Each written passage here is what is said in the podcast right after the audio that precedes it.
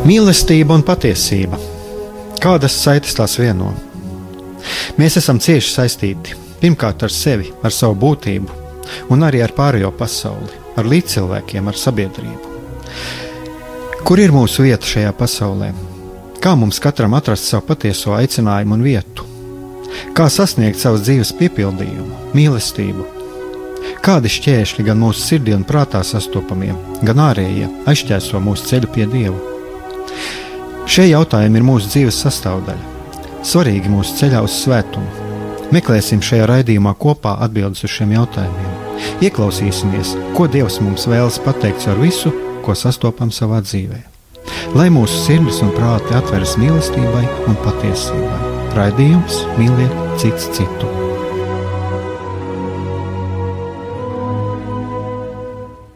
Lai top slavēts Jēzus Kristus, esiet sveicināti, darbie radioklausītāji. Šis ir redzējums mīlēt cits citu. Eh, studijā esmu Aigārs Brikmanis, un šodien mēs runāsim par pagātni, eh, par eh, sāpīgām, sāpīgām pagātnes um, atmiņām, par sāpīgām, var teikt, arī pagātnes paliekām, jo pagātne ietekmē arī mums, mūs, un, un šodien pie mums viesojas uh, reliģiju pētniece Solveiga Krūmiņa Koņkova.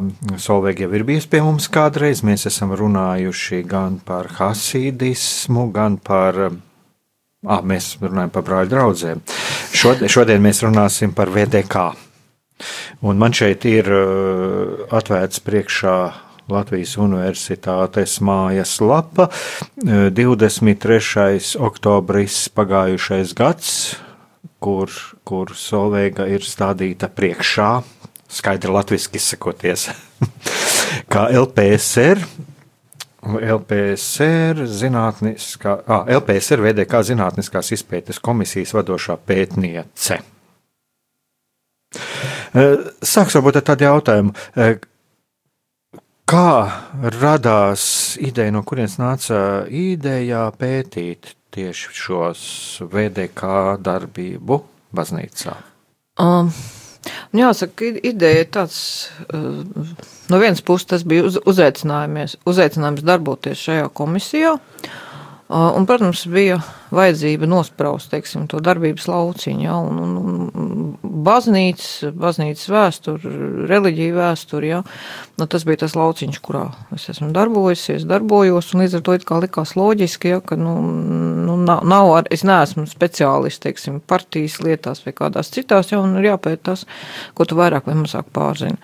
Bet bija arī tāds nu, mazliet vairāk personisks eh, dabas eh, motivācija. Proti, jau kādu laiku, daudz gadus atpakaļ, strādājot arhīvā, uzdūros uz, uz eh, mācītāju ziņojumiem. Un, un jāsaka, tas lielā mērā mm, izmainīja man attieksmi pret daudzām lietām dzīvē, ja, jo es, es varēju kaut ko tādu sagaidīt. Nu, no, no, es nezinu, no, no daudz citu teiksim, profesiju pārstāvjiem, tiem, kas ietekmē cilvēku dzīves. Ja, bet tas, ka, ka kādus uh, ziņojumus rakstīja uh, dažādu konfesiju garīdznieki, ja, tas man bija arī tā, tā tīri, tīri šoks, nu, tāda arī manā ticības dzīvē un ticības izvēlēs. Un, un uh, līdz ar to Man likās, ka jāatgriežas pie, pie šī jautājuma. Jā, varbūt, ka gadiem ejot, uzkrājoties pieredzē, jā, es uz daudzām lietām skatīšos savādāk. Un, un faktiski tā arī radās tā mana tēma, proti pētīt reliģisko lietu pilnvaroto dokumentus un, un, un, un, un visu, visu, kas ir arhīvā publiski pieejams. Es uz, uzsveru publiski pieejams, jo, jo komisijai nav līdz šim bijis iespēja pētīt tās augtos čekas maisus. Ja?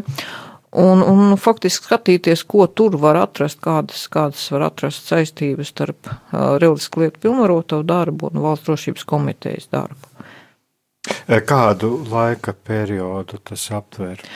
Es sāku ar jau faktiski nu, pēckara periodu, ar 44. gadu, kad sāku pilnvaroto institūciju vairāk vai mazāk tā formāli darboties, ja, un, un pašreiz man, man, man pētījuma objekts ir pēdējo gadu dokumenti, proti, tas ir 80. gadu dokumenti, precīzi līdz 89. gadam, jo arhīvā vēlāko gadu dokumentu vairāk nav. ir, ir pēdējie datēti ar 89. gadu. Tikai daži dokumenti, jā, man liekas, arī tas ir ļoti interesants fakts, jo es domāju, ka pilnvarota institūcijas vēl darbojās, jā, un, un nav skaidrs, kāpēc ir tik maz dokumentu, jā, bet, nu, principā vēl pārējais posmu dokumentu arhīvā nav vispār. Ja mēs tā skatāmies arī uz pagātni, nākās jau arī saskarties nu, ar kaut kādu šādu secību. Ja bija, tagad būs jau simts, simts gadi pagājuši, nu, pagājuši jau simts gadi kopš šī apvērsuma Krievijā, nu, un nācās jau arī ieskatīties tā arī šajā laikā. Ļeņina laiks, tad nāca Staļina laiks, Kruščova laiks. Mm. Būtībā tas ir tieši šis posms, tagad, ko tu skaties, tas ir tas 44. gads, kurš ir, nu, teiksim tā, tas laiks, kad sarkanarmija nāca pāri robežai. Jā, bet ir arī nācies ieskatīties tajos iepriekšējos, nu, kaut kur no nu, jāsaka, tik, tik, tik, nē, tik tālu atpakaļ, faktiski tas arī nebija komisijas uzdevums, jā. Protams, ir nācies paskatīties dokuments, kas, kas ir saistīti ar vēl neatkarīgās Latvijas laiku, 20. un 30. gadiem, ar, ar politpārvaldes, teiksim, darbību, ja, jo, nu, skatoties krimināla lietas, nu, tiesāto garīdzinieku krimināla lietas, ja, bieži vien, teiksim, tur ir šīs atsaucas uz, uz kaut kādām aģentūras lietām jau pirmskara Latvijā, un līdz ar to, nu, gribot, negribot, ir jāskatās arī šis periods, ja, lai saprast, kas īsti, kas īsti notic ar konkrēto cilvēku, kāda ir viņa saistība bijis ar, ar drošības struktūrām dažādās valstīs un dažādos laikposmos. Ja, bet, bet pamatā, pamatā faktiski ir, ir pēckara laiks jau. Jā, nu man tas, tas jautājums radās tieši tāpēc, ka nu, arī mums šeit pat ir, šeit pat ir Slaskāna muzejs, lejā Bīskaps Slaskāna muzejs, un tur ir arī šis Ļeņina citāts, ja, kur viņš runā tieši par šo baznīcas un, un represijām pret, pret garīdzniecību. Um, Ja mēs tā skatāmies uz uh, reliģisko lietu pilnvarotajiem, tad man uzreiz tāds pirmais jautājums, kas ir reliģisko lietu pilnvarotais? Pēc, kad Latvijā darbojās divas e, tādas pilnvaroto institūcijas, ja. viena bija PSRS reliģisko kultu lietu pilnvarotais, tas bija padomas pilnvarotais, es tas bija cilvēks, kas Latvijā realizēja padomas intereses attiecībā pret visām kristīgām baznīcām, izņemot pareizcīgo baznīcu. Un bija otrs pilnvarotais, tas bija pareizcīgās baznīcas lietu padomas pilnvarotais Latvijā, kura, teiksim, uzmanības centrā bija tikai pareizcīgā baznīca, jo atšķīrās uzdevumi. Pareizsīgā baznīca bija cietusi milzīgas represijas un iznīcināšanu 37. un 38. gada lielā terora laikā, bet Tēvijas kara laikā faktiski baznīca tika atzīta par sabiedroto, pateicoties tās ieguldījumam, tīri kaut vai ziedojot, ziedojot finansiālus līdzekļus ieroču ražošanai. Ja.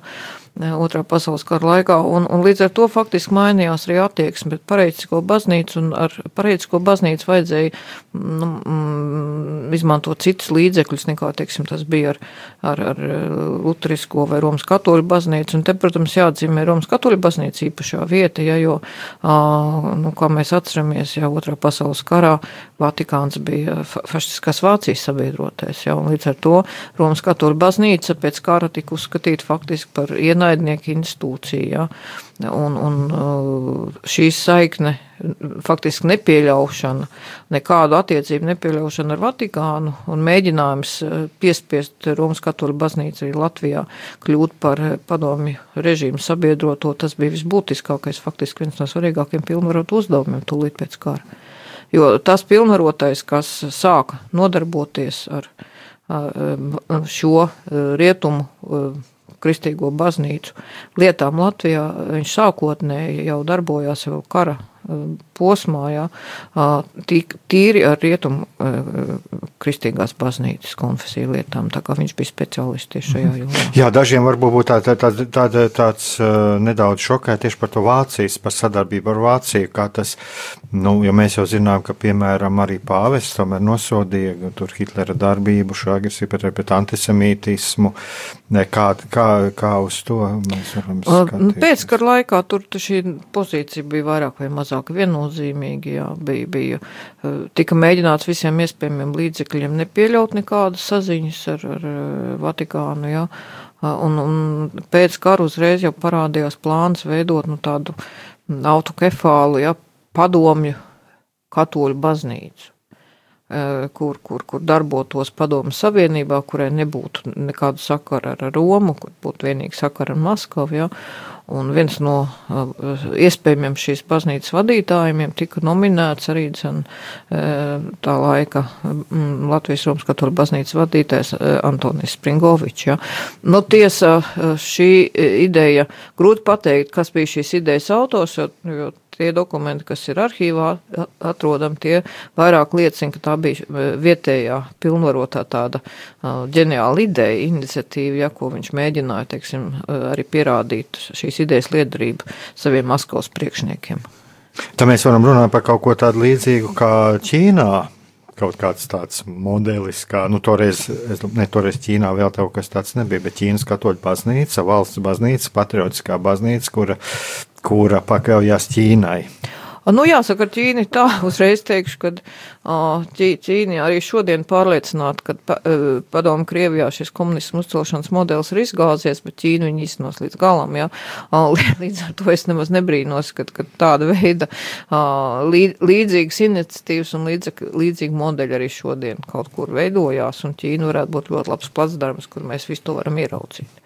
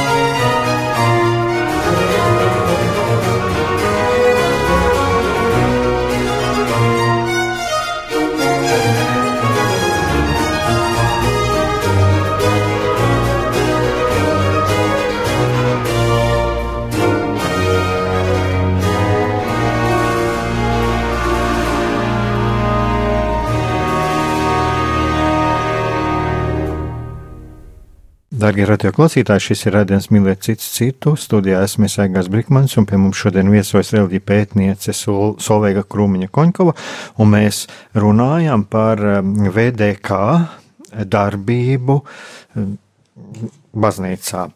Um, nu, mēs jau pieskārāmies par šīm, par šīm atšķirībām, kas ir starp uh, to, kā darbojās pilnvarotais, pilnvarotais atsevišķi bija e, pareizticīga baznīcai, un pa pārējām konfesijām bija atsevišķs cits pilnvarotais.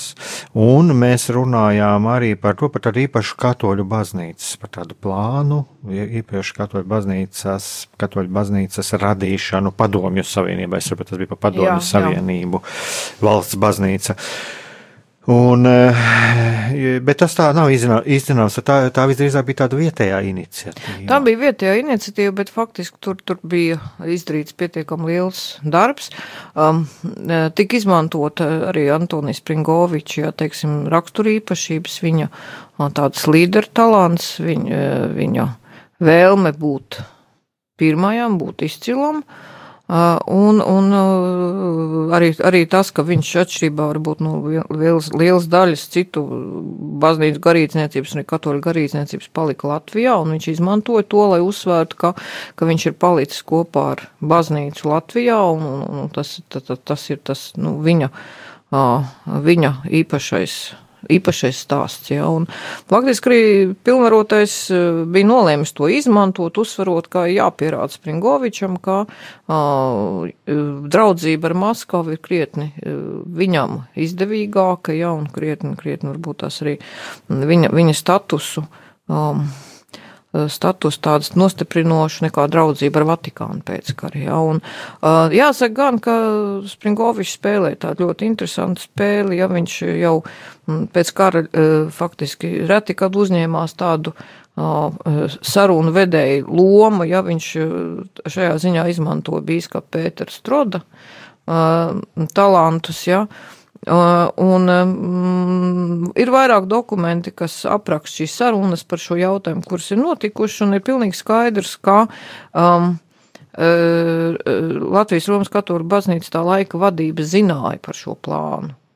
Protams, protams, ir at, atklāts jautājums, kā viņi to zināja. Vai, vai tas bija pateicoties Šeškena ļoti labām attiecībām ar Springoviču, viņš bija kaut kādā veidā tur devis šos mājiņus. Tas bija, tas bija pilnvarotais, jau Valdemārs Šeškens, vai, vai, vai, vai te nospēlē kādi, kādi citi faktori, nu par tiem dokumentus klusē, un mēs varam rakstīt detektīvu stāstus, jā, katrs ar savu interpretāciju, kas tur varētu būt nodicis. Dokumenti rāda, ka baznīca šo, par šo plānu zināja, un baznīca uzņēmās iniciatīvu. Uzsverot, ka patiesībā uh, nav nekādu iebildumu pret, pret šādas baznīcas izveidošanu, bet ka šis jautājums ir jāsaskaņo ar Vatikānu. Un jā, Padomju Savienībai nav iespējams tiešā veidā saistīties ar Vatikānu, tad to ir iespējams uh, izmantot, teiksim, citu padomi tā sauktā bloka uh, jaunveidoto valstu katoļu baznīcas, ja, kuras, kurām ir e, jau ciešākas saiknes, teiksim, tur pieminēt tik Rumānijas katoļu baznīcas, vēl citas, ja, un ka tādā veidā netiešā ceļā, ja, bet bez Vatikāna piekrišanas, protams, šī, mm, e, nu, šī ideja nav īstenojama, ja. E, manuprāt, tas bija svarīgi, ja, jo tas bija atkal veids, kādā veidā varēja atjaunot attiecības ar, ar Vatikānu, ja, un, un līdz ar to šajā brīdī šis, šis pilnvaroto un, un Maskavas plāns jau pašiem plāna organizētājiem kļūst neinteresants, jo, jo tas pamat iemesls, kāpēc tāda baznīca bija jāveido, proti tāda izolācija no, no pārējās katoļu pasaules, jā, faktiski tas neizdevās, jā, jo, jo iniciatīva tika pārtverta, jā, un līdz ar to faktiski ap 48. gadu, mm, kad jau mm, arī pašu pilnvaroto nomainīja, e, uzsverot to, ka viņš patiesībā nezina, kas notiek e, reliģijām Latvijā, jo viņš visu informāciju, ko viņš iegūst, tā ir tikai no Romas katoļu baznīcas vadītāja, jā, un, un kas to zina? E, ko, ko baznīcas vadītājs sastāsta, ja, un faktiski viņu nomaina. Un, un līdz ar to e, jaunais pilnvarotais e, Jūlijs Resbergs, kas stājas vietā, ja, tā, tam ir pilnīgi cita, citas pozīcijas un cita, cita taktika, ja, un, un līdz ar to faktiski šis plāns arī tā izgaist vēsturē. Jā, ja mēs runājam par tādām pilnvarotām metodēm, kādas tieši bija šīs darbības metodes? Nu, jāsaka, tā pirmkārt, tie ir jārunā par personībām. Jā. Eh, es jau pieminēju šo Valdemāru Šeškinu eh, un Jūliju Resbergu. Abi viņi bija eh, jau kopš jaunības gadiem, proti jau, jau, jau 18. 19. faktiski arī ar saistībā ar padomi, padomi vārds vispār nostiprināšanos, jā. viņi bija drošības iestāžu darbinieki. Gan viens, gan otrs bija profesionāli čekisti. Un, un jāsaka, nu, mēs labi zinām izteicienu, ka bijušo čekistu nemēdz būt, ja, un tieši ar viņiem arī e, bija šis stāsts, ja. Viņi formāli e, it kā vairs neskaitījās aktīvajā dienestā, ja, bet tā vai citādi viņi bija cieši saistīti, un, un, un, un šī saist, saistība arī dokumentos ir redzama. Un uh, Valdemārs Šeškins uh, bija nodarbojies tieši ar uh, informatoru sagatavošanu, vervēšanu zinātnes un baznīcu aprindās. Proti, viņš bija lielisks psihologs, ja viņam pārmet, ka viņš nepārzina situāciju un nezina, kas ir reliģija kā tāda, ja? bet tas, ko viņš lieliski zināja, viņš prata vervēt cilvēkus. Un viens no viņa uh, uzdevumiem jā, bija uh, savērvēt uzticam ziņotāju tīklu. Uh, grūti pateikt, cik lielā mērā ja, šie ziņotāji kļuva par VDK, restīvu ziņotājiem. Ja. Tajā laikā ne VDK, bet valsts drošības ministrijas. Ja. To ir grūti pateikt, ja, bet nu, tas, kas viņa arhīvā ir saglabājies, tas ir ļoti daudz dažāda veida ziņojumu. Tas ir tieši par uh, Latviju. Par, par, par baznīcas iekšējo dzīvi. Jā, jā, bet tas jā. par baznīcu Latvijā, jā, tas ir jā, par šo jā. pēckara laiku. Jā, un, un, un, un gan, gan, gan, teiksim, dažādu konfesiju pārstāvi ir rakstījuši viņam, ziņojuši par saviem uh, kolēģiem. Jā, tā kā Jūlijas Resbergs arī dzan bija nāca no šīm pašām valsts drošības struktūrām. Ja. Um, e, viņš bija vairāk saistīts ar uh, robežsardzi, un viņa lielākais nopelns, nu, ja to var vispār saukt par nopelnu, ja, viņš piedalījās uh, 37. 38. gada terorā uh, Pēter. Pēterburgā. Jā, viņš bija tas, kas faktiski bija kara tribunāla loceklis, un ar viņa rokām tā vai citā tika iznīcināta arī viena liela daļa no pareizcīgās baznīcas virsotnes. Mm, tā kā, nu, vi, tādā nozīmē viņa saistība ar reliģiju parādās šajā šķērsgriezumā. E, tālākie pilnvarotie, e, e, jau viņi stājās amatā jau pēc Hruščova atkušņu, pēc Hruščova nākšanas pie varas, viņi tiešā veidā valsts drošības komiteju nepārstāvēja. Viņi bija, mm, nu, partijas darbinieki, viņi bija vairāk vai mazāk saistīti iepriekš ar ideoloģisko darbu, bet, nu jāsaka, viņi arī varēja nebūt paši, būt tiešā veidā saistīti, jo viņu vietnieki bija valsts drošības komitejas darbinieki. Tātad būtībā tagad, ja mēs atgriežamies vispār tas pilnvarotais, pilnvarotie līdz tam, līdz tam Kruščova laikam, tātad viņi jau bija kā VDK, jā, valsts. Nu, faktiski arī komisijas viedoklis šajā ziņā ir, ka uh, reliģisko lietu pilnvaroto institūcija bija uh, viena no VD, valsts drošības ministrijas vēlāk VDK piesaga organizācijām. Respektīvi, uh, šīs organizācijas tieši tāpat kā ļoti, kā intūrists vai, vai uh, sa, uh, draudzības sakaru biedrības un tā tālāk. Klausītās kultūras komitejas. Jā, arī, tās bija. tika izmantotas noteiktiem mērķiem, vai, vai tā būtu, teiksim, padomju pilsoņu izsakošana, vai tā būtu, teiksim, izlūga darbība ārzemēs, jā. Tur bija konkrēti mērķi, un tur darbojās gan profesionāli VDK darbinieki, gan arī bija, nu, savs, savs ziņotāju loks kas, kas pildīja kaut kādas mazāk svarīgas funkcijas, vai nu, rakst, rakstot ziņojumus, vai, vai teiksim, nu, viens no tādiem darbības veidiem teiksim, bija uh, izmantojot draudzīgas attiecības ar ārzemju latviešiem, jā, ievest ārzemju latviešu sabiedrībā valsts drošības komitejas darbiniekus. Pašam šim cilvēkam faktiski nebija nekāda cita uzdevuma, ja kā viņa labā slava, labais vārds, kas, kas tika izmantots.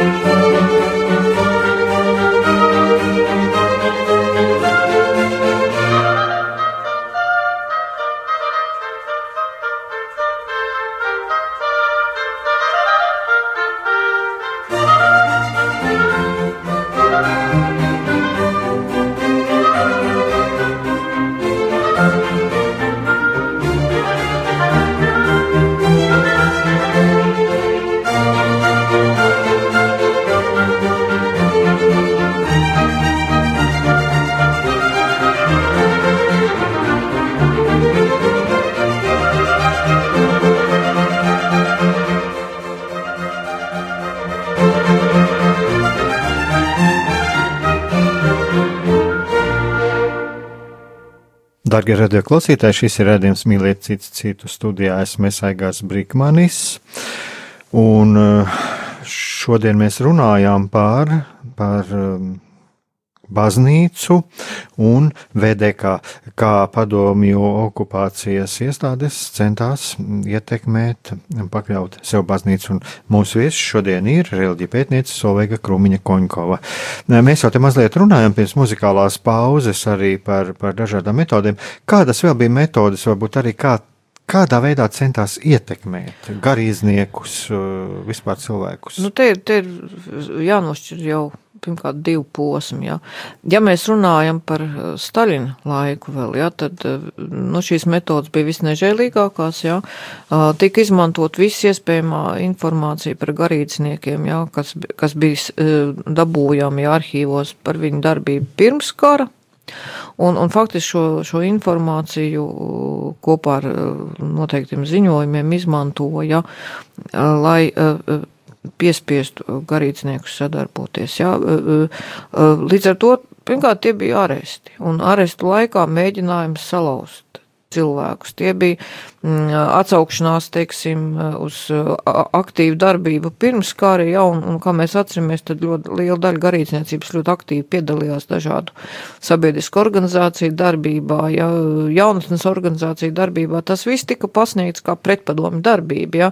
Liekas dīvaini, ja kā var attiecināt uz, uz cilvēku to, ko viņš darīs pilnīgi cits valsts laikā, ja, bet tas viss tika attiecināts, ja, un, un tika izmantota jebkura iespēja tikai piespiest šo cilvēku sadarboties. Un, un jā, par, par, nu, bieži vien es arī uzskatu, ka Daudzos gadījumos arī dzen, šī notiesāšana mm, papildus tam, kā tika sameklēta kāda, teiksim, pretpadomi darbība vai, vai tur sprediķu lasīšana ar pretpadomi satura vai vēl kaut kas, jā, tika kā papildus sots, tika cilvēkam piespriest sots arī par to, ka, kad, kad viņš ir atteicies sadarboties. Un faktiski tas bija tāds absolūts terora laiks, ja, jo to atceras arī paši garīdznieki, ja, ka uh, viens, teiksim, vairāk vai mazāk ir mierīgi sagaidījis to savu likteni, cits ir, mēģi, cits ir baidījies, ja, un, un gaidījis, kurā brīdī tas notiek, ja, un, protams, kad vis, vis, visvairāk cieta tieši tie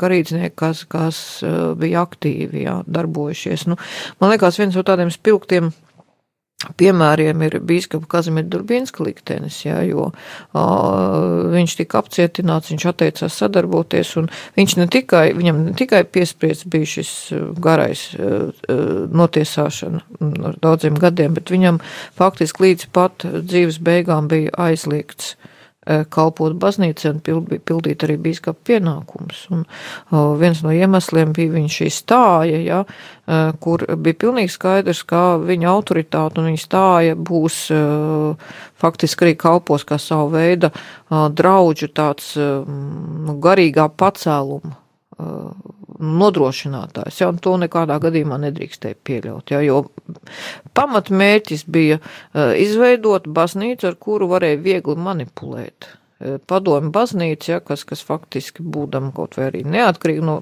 formāli no, no, no valsts varas, ja kalpos valsts varas interesēm. Uh, Vēlāk šī situācija mainījās, jo pamazām, teiksim, tādu fizisku izrēķināšanos aizvietoja ar dažādām, teiksim, psiholoģiskām metodēm, ja vairāk, teiksim, nebija tik daudz šo apcietināšanas gadījumu, ja, ja paskatās vēsturē, bet, bet, nu, šīs psiholoģiskās metodas bija vēl dra dramatiskākas, ja tā bija tāda cilvēka psiholoģiska iznīcināšana. Viena no metodēm bija, teiksim, dažādi veidi feļetoni kas parādījās jā, centrālajās, centrālajos preses izdevumos, ja, kur, kur tālāk šiem feļetoniem sekoja kaut kādā veidā organizētas draudzes loc, draudzu locekļu tādas atbalsta vēsturu kampaņas, ja, un gala rezultātā faktiski vienkārši iznīcinot psiholoģiski vienu vai otru cilvēku, ja, un te, nu, vien, manuprāt, ir, ir divi iemesli, kāpēc tās kampaņas bija. Viens iemesls bija piespiest sadarboties, ja, jo es esmu atradis arī feļetonus, kas netika publicēti, Proti, nu, tad jautājums, kāpēc viņas sagatavotas feļetonas nepublicēja, jā, acīm redzot, ka nebija vairs vajadzības, jā, to darīt. Un, un otrs iemesls bija, zinām, atriebība par to, kā viens vai otrs garīdznieks ir attiecies sadarboties, ja, jo es esmu runājis ar garīdzniekiem, par kuriem ir neviens vien feļetons bijis, un kuri ir arī bijuši uz pratināšanā valsts drošības komitejā, bet kur ir atteikušies sadarboties, un, un, un šis feļetons, jā, vai, vai rinda feļetoni jau tā bija kā atbildes reakcija uz šo atteikumu.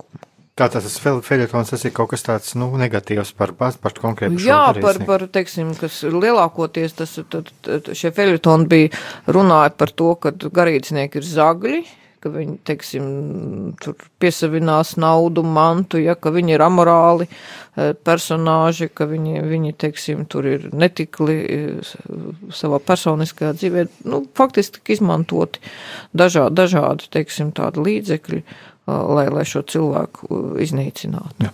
Šeit ir arī no klausītājiem viena viens, viens, viens tāds pateicība eh, no klausītāja. Liels paldies par šo raidījumu, paldies pētniecei Solveigai Krumiņai Koņkavai par lielo pētniecības darbu. Tas ir no kāda klausītāja vai klausītājas. Paldies, jā, tas, tas, tas jā, liek strādāt. Vienkārši. Jā, un eh, te arī var eh, klausītāji var sazināties ar studiju, sūtot īziņu uz numuru 266 77 272 vai zvanot uz numuru 67 7, 969, 131, vai arī rakstīt uz e-pastu studija at rml.lv.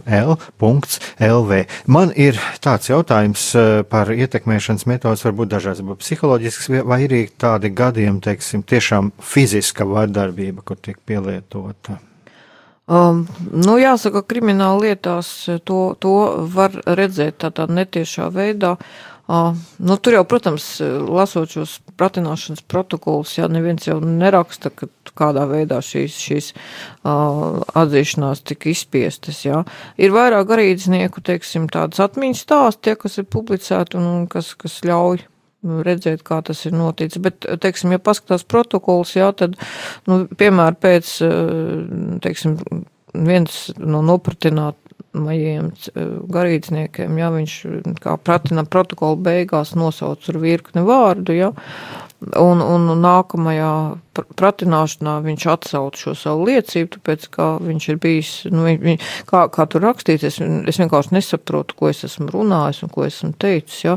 Aiz šīs nesaprašanas stāvēja bezmiega naktis, cilvēkiem neļāva gulēt, teiksim, dažādas tādas ļoti, ļoti nežēlīgas spīdzināšanas metodas, teiksim, stāvēt ar izplastām rokām vai vēl kaut kas nu, tāds. Un, faktiski cilvēku spīdzināja tik tālu, kamēr viņš vienkārši vairs nesaprata, ko viņš dara. Viņ, viņš faktiski, viņa, viņa, viņa prāts tika atslēgts. Ja, un, uh, ir, ir, ir arī liecības par to, ka ir speciāli zinot to, kā tas notiek, ir nu, cilvēks mācījās no galvas vārdus, ja, kurus viņš varēja nosaukt, zinot, ka šie cilvēki jau ir notiesāti.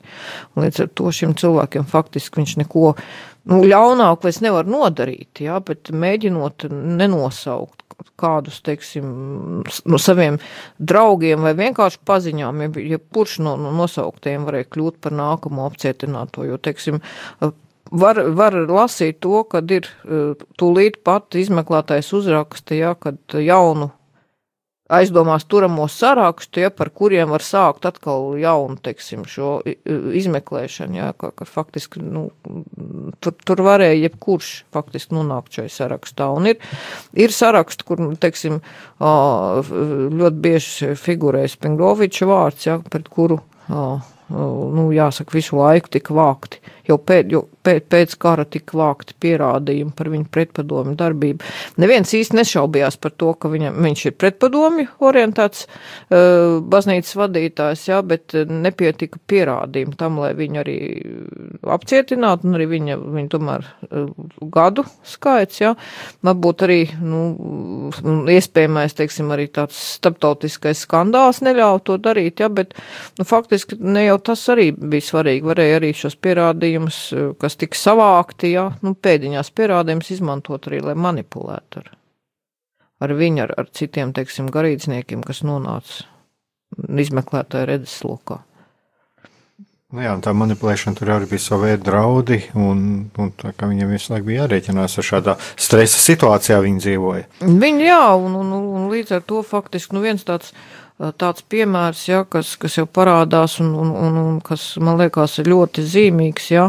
Un es domāju, par ko arī ir jārunā, tas ir pēc Antonijas Pringoviča nāves, ja, kad Rīgas arhidiecēze palika bez vadītāji. Un faktiski, jā, Henriks, vēstnieks Henriks Trots ir rakstījis par to, ka principā ir bijis ideja šo arhidiecēs pakļaut tieši pilnvarotajam un faktiski nenozīmēt jā, jaunu vadītāju, bet Springovičs jau bija nosaucis savu pēcteicu, proti biskap Pēters Strod, un biskups Pēters Strods pārņēma garīgo vadību situācijā, kad nebija uh, padomi varas akcepta. Un faktiski viņš formāli nevarēja kļūt par par Rīgas arhidiecēs vadītāju bez, bez padomu varas piekrišanas. Un, un tad ir uh, faktiski gada garumā uh, viņš lūdz šo piekrišanu, un viņam šo piekrišanu nedod. Un ir saglabājušies uh, protokoli ļoti smagi lasāmi, teiksim, dokumenti, jā, par to, kā viņš ir ticies ar uh, uh, Edvardu Berklau, kurš atbildēja par baznīcas lietām uh, LPSR ministra padomē. Viņš bija ministra padomas priekšstādājs. Tas ir 50. Vietnieks. gadi, jau kaut kāds 59. 50. gadu beigas, 58. gads, un, un, un kā Berklaus ir pārmetis biskupam Strodam, kā tāds nevar būt. Baznīcas vadītājs, kurš ir tik neaktīvs cīņā par mieru, ja, kurš tik maz lasa, teiksim, tādas runas un, un piedalās šajos pasākumos, ja, un, un kad faktiski padomju varēja neko nenozīmē. Vatikāna akcepts, ja, te lemj padomju varu, un ja, ja biskaps Trots savu attieksmi nemainīs, ja, tad, tad viņš nekad par baznīcas vadītāju nekļūs. Un jāsaka, beidzot jau iesaistās šajā, šajā diskusijā ar vietējo varu Maskavu, un ir tāds slavens dokuments, ko es varētu teikt par dokuments, kurā tiek parakstīts līgums ar pašu nelabo, jā, jo, lai kļūt par baznīcas vadītāju, Strots ir spiests parakstīt līgumu, ka viņš aktīvi iesaistīsies cīņā par mieru, ka viņš nepieļaus no savas puses nekādu pretpadomju darbību, un ka viņš nepieļa, neļaus eh, šādu pretpadomu darbību veikt nevienam no uh, Romas katoļu baznīcas garīdzniecības un lajiem, un ja tas notiks, tad faktiski uh, viņš šī baznīcas vadību zaudēs. Un viņš, viņš ir spiests parakstīt faktiski šo, šo dokumentu, ja, jo pretējā gadījumā uh, baznīcas uh, Rīgas arhidiecēs vispār paliktu bez, bez vadītāja. Un, un jāsaka, tas ir, es domāju, ļoti traģisks, traģisks dokuments, ja, un mēs zinām, ka Pēters Strots ļoti drīz vien pēc, pēc, pēc tā, kad viņš kļūst par baznīcas vadītāju, viņš aiziet mūžībā, ja, jo aiziet mūžībā ar, ar, ar slavu, nu, kā viņi tajā laikā sauc par sarkano bīskapu, ja, bet, nu, jāsaka tā, ka mm, es gribu to uzsvērt, ka tas ir pilnīgi nepareizs priekšstats. Pirmkārt, tāpēc, ka viņš ilgus gadus pildīja Antonijas Pringoviča norādījums, būdams faktiski baznīcas runas vīrs un Springoviča vietā piedalīdamies šajās miera konferencēs. Nu, es teiktu tāpēc, ka viņam bija izcila laba izglītība, un viņš varēja uh, rakstīt šādas runas, ja, un es, es, es saprotu, cik grūti. Viņam bija šīs runas rakstīt ļoti interesanti, ka, kad arī ir vairāk dokumentu, kur mēs redzam, ka šīs runas ir rediģētas, un, un viens no redaktoriem ir bijis Vils Lācis. Atcerēdamies, ka viņš ir rakstnieks, jā, un šīs runas ir īsinātas un, un, un ņemti ārā, teiksim, teoloģiska rakstura teikuma un likt vairāk tādi padomi stila teikumi iekšā, jā. Un, un jāsaka, ka, nu, faktiski tas mēķis, kas bija, tas bija saglabāt pirmām kārtām saglabāt garīdzniecību, ja, jo jebkura eh, tāda ļoti stingra pretpadomu nostāja faktiski būtu uh, iemesls jaunām garīdzniecības vajāšanām. Protams, ka baznīcas vadība uh, to nedrīkstēja pieļaut un, un bija spiesta uh, uz dažādu veidu šiem kompromisiem, jā, bet, bet eh, nu, un, teiksim, šis paraksts, jā, zem, zem šī nolīguma droši vien bija viens no smagākajiem kompromisiem, mm, arī biskaps strāda mūžā, jā, bet, bet tas nebūtu, nu, es domāju, ka, teiksim, saukt viņu par sarkano biskapu, tas bija absolūti, nu, spriežot pēc dokumentiem, jā, absolūti nepareizi.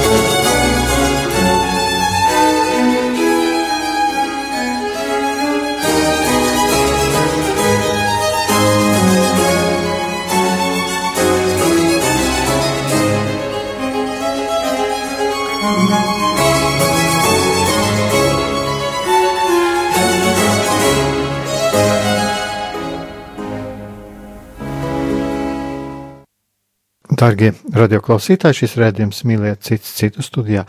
Esmu es, Aigars Brīkmanis, un mūsu viesis šodien ir, šodien ir reliģija pētniece Solveig Rumiņkoņko, un mēs runājam šodien par padomju okupācijas režīmā tieksmi pret baznīcu. Šeit ir arī no, no klausītāja vai no klausītājas kāda kāda vēstulīte, kāda izziņa. Mani kristīja 61. gadījumā, gad, sešde, mani kristīja 61. Gadī, gadā, mainīja manu dzimšanas gadu un vecāku vārdus baznīcas grāmatā. E, to, es to saprotu, tā ir kaut kāda mm, slēpšana, vai mainīja vecāku vārdus baznīcas grāmatā 61. gads. Nu, 61. gads, tur jā, varētu, tur mm, vajadzētu zināt kādu vairāk informāciju. Tur tā ir citādi grūti pateikt, jā. Un... Jā. Jā, te vēl viena iz, izziņa. Es redzu par priesteri Ludvigu Štagaru, kas Jā. atsēdēja visi 25 gadus. Kāpēc? Um, es pieļauju, ka arī viens no faktiski 25 gadi tas ir garākais laiks, kas, kas tika dots. Un, uh, te uh, visticamāk ir papildus gadi Uh, tur jāstāsta, pēc kāda panta ir tiesāts, ja, bet uh, ir viens konkrēts pants, pēc kā var pateikt uh, arī to.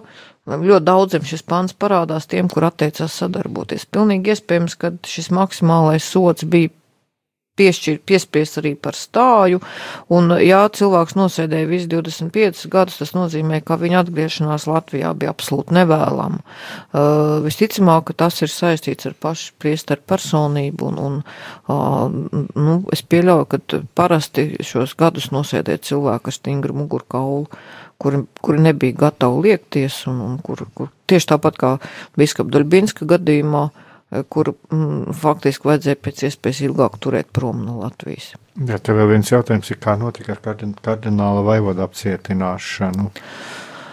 Oh, stāsts par kardinālu vaivodu, jā, tas ir stāsts par to, ka mm, tika atrasta at, atrast. Ir šis, es esmu lasījis šo viņa kriminālu lietu, protā ir runa par viņa teoloģisku rakstura publikācijām, kas glabājās pie, viņš bija nodevis šīs publikācijas glabāšanā pie vairākiem priesteriem, un šīs publikācijas, nu, faktiski tika uzzināts par to, ka šīs publikācijas eksistē, ja, tika uzzināts, kur šīs publikācijas glabājās. Nu, jāsaka tā, ka, nu, pēc krimināla lietas protokoliem nav īsti skaidrs, kurā brīdī sākās nodevība. Ja.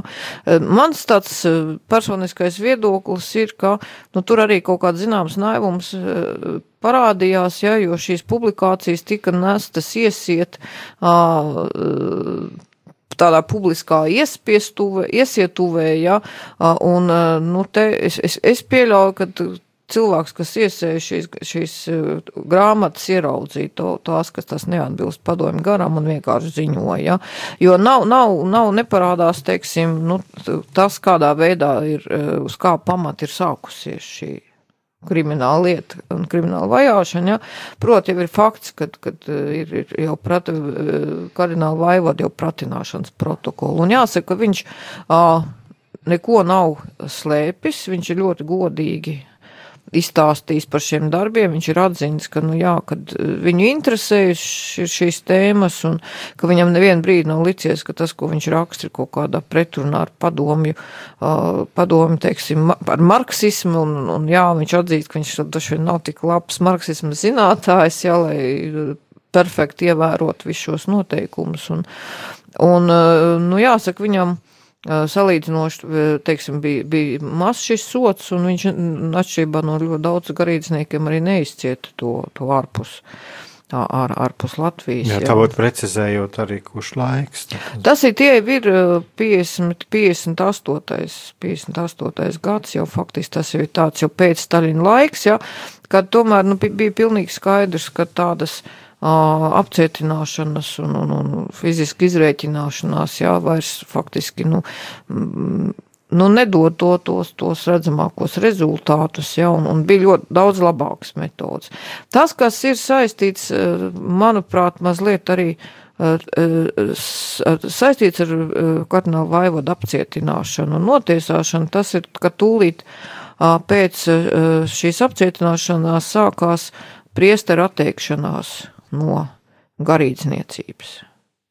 Viens no tiem bija zvejsalnieks, un, un nu, zvejsalnieku gadījums ir ļoti cieši saistīts ar šo tiesas procesu, jā, jo zvejsalnieks bija viens no aizdomās turamajiem, viņš bija viens no tiem, pie kā glabājās manuskripti, jā, un, nu, zvejsalnieks neuzstājās kā e, apsūdzēts arī šeit. šeit. It kā loģiski prasītos, ka viņš tika apsūdzēts šajā noziegumā, ja viņš netika apsūdzēts, ja, bet e, faktiski, nu, varētu teikt, ļoti īsā laikā, manuprāt, es tagad precīzi neatcerēšos, bet tā bija nedēļa, jā, pēc, pēc pēdējās tiesas sēdes viņš publiski paziņoja par savu aiziešanu no Romas katoļu baznīcas, jā, un, un man jāsaka, ka, manuprāt, tā bija nu, ja mēs, ja teikt, es, es, protams, tā ir tikai mana interpretācija, ja, bet, manuprāt, šie divi notikumi ir ļoti cieši savā starpā saistīti.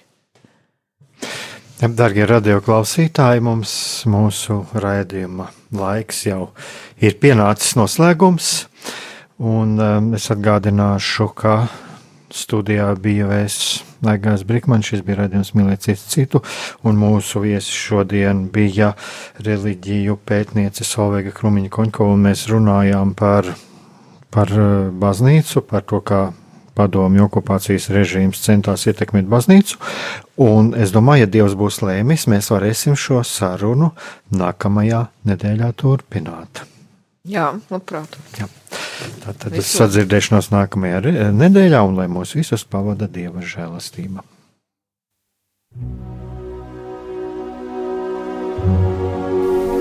Mīlestība un patiesība.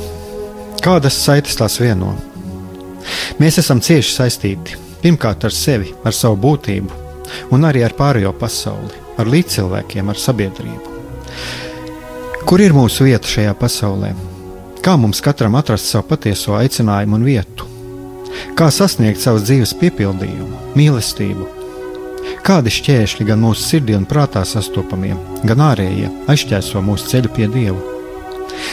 Šie jautājumi ir mūsu dzīves sastāvdaļa, svarīgi mūsu ceļā uz svētumu. Meklēsim šajā raidījumā kopā atbildes uz šiem jautājumiem.